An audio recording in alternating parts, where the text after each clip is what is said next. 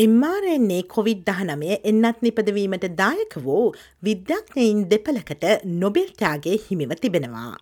එම්මාරෙන්නේ Covid දහනමේ එන්නත් නිපදවීමට හැකි වූ විද්‍යාත්මක සොයා ගැනීම් සිදු කරන ලද්දේ හංගේරියාවේ කටාලීන් කරීකෝ සහ ඇමරිකා එක්සත් ජනපදයේ ඩ්‍රූ වයිස්මන් යන විද්‍යාඥයින් දෙපළ විසින්.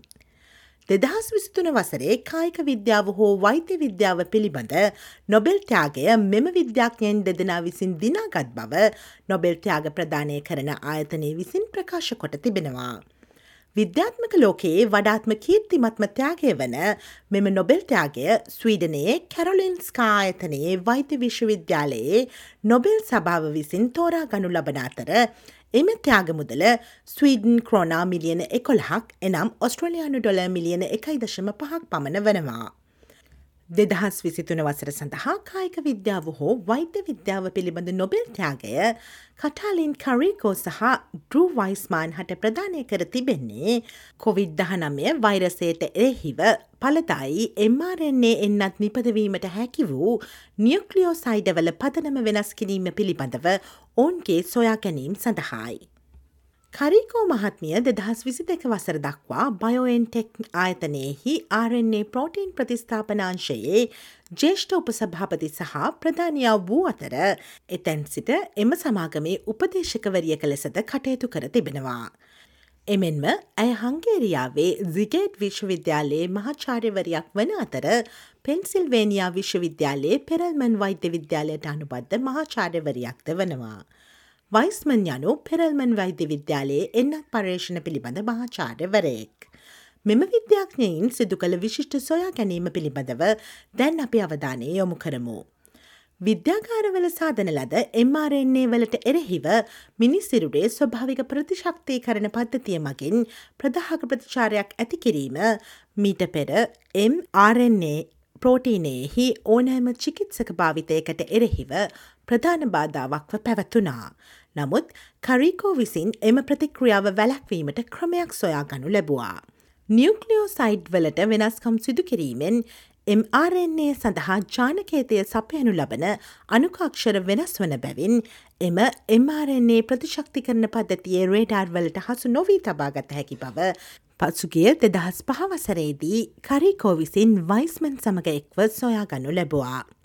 එබැවින් මේ වසරේ නොබෙල් ත්‍යයාගය මකින් ඔවුන්ගේ මෙම මූලික විද්‍යාත්මක සොයා ගැනීම පිළිගැනීමට ලක්කර තිබෙනවා. එම සොයා ගැනීම මගින් එම්මාරෙන්නේ දාම මිනිසාගේ ප්‍රතිශක්ති කරන පද්ධතිය සමඟ අන්තර්ක්‍රියා කරන ආකාරය පිළිබඳව අප තුළ තිබූ අවබෝධය වෙනස් කළ බවත් එමෙන්ම මෑතකාලීනව ඇති වූ කොවිඩ් වසංගතයේදී සමාජයට විශාල බලපෑමක් ඇති කළ බවත් කැරොලින්ස්කා ආයතනයේ නොබෙල් සමිලුවේ සාමාජික රිකාඩ් සැන්බර්ග් පවසනවා. දෙදහස් විසිතුන වසරෙන් නොබෙල් සම්මාන උලෙල ආරම්භ වී තිබෙන්නේ මෙම වෛත්‍ය විද්‍යාව සඳහා නොබෙල්ත්‍යයාගේ ප්‍රධානය කිරීමත් සමගින්. එක්දහස් නමසය එක වසරේදී ප්‍රථම වරට ලබාදුන් නොබෙල්ත්‍යයාගය ස්වීඩනයේ ඩයිනමයිට් නිපැයුම් කරයකු වූ ධනවත් ව්‍යාපාරික ඇල්ෆ්‍රෙඩ් නොබෙල් විසින් නිර්මාණය කරන ලද අතර එය විද්‍යාව සාහිත්‍ය සහ සාමය පිළිබඳ ජයග්‍රහණ සඳහාත් පසු වසරවලදී ආර්ථික විද්‍යාව සඳහාත් ප්‍රධානය කෙරනු ලැබවා. ඇල්ෆ්‍රඩ් නොබෙල්ගේ අභාවයෙන් පසු ස්වීඩන් රජු විසින් ඔහුගේ අනුස්මරණ දිනය වන දෙසැම්බර් දහවන දින ස්ටොක්හෝම් හි පැවැත් වූ උත්සවයකදී මෙම ත්‍යාග ප්‍රධානය සිදු කර ඇති අතර ත්‍යාග ප්‍රධානයට අමතරව එම නගර ශාලාවේ අතිවිශිෂ්ට භෝජන සංග්‍රහයක්ද පවත්වා තිබෙනවා. පසුගේ වසරේ වෛද්‍ය විද්‍යාව සඳහා වන නොබෙල්ත්‍යයාගය ස්වීඩනයේ ස්වෙන්ටේ පැබෝට හිමි වුණා. ඒ වර්තමාන මානවයාගේ වඳවී කියෙන් ජාතියෙකු වන නියන්ට තාල්වානර මානවයාගේ ගෙනෝමයේ DNA භශ්වානු පිළිවෙල නිවැරදි ලෙස අනුක්‍රමණය කිරීම වෙනුවෙන්. තවද ඔහු විසින් කලින් නොදැන සිටි මානව ඥාතියෙකු වන දෙනිසෝවන් නම් වානර මානවයා පිළිබඳ සොයා ගැනීමක්ද සිදු කර තිබුණා. අතීතයේ වෛත්‍ය විද්‍යාව සඳහා නොබෙල් ත්‍යාග හිමි වූ අවස්ථා අතරට පෙනිසිලින් ඖෂධය සොයා ගැනීම වෙනුවෙන් එක්දහස් නමසය හතලිස් පහවසරේදී ඇලෙක්සන්ඩ ෆ්ලමින්ට නොබෙල්ටයාගේ හිමිවීම සහ එක්දහස් නමසය තිහේදී මිනිස් රුදිර කණ්ඩායම් සොයා ගැනීම වෙනුවෙන් කාල්ලෑන්් ස්ටයිනර්ට නොබෙල්ටයාගේ හිමිවීව යන ස්විශේෂී අවස්ථාවන්ට ඇතුළත් වනවා. ඔස්ට්‍රලියාවේ කාලින්නව වැදගත් නවතම තොරතුරු දැනගැනීමට SBS.com.au/ සිංහල යන අපගේ වෙබ් අඩවියට පිවිසන්න.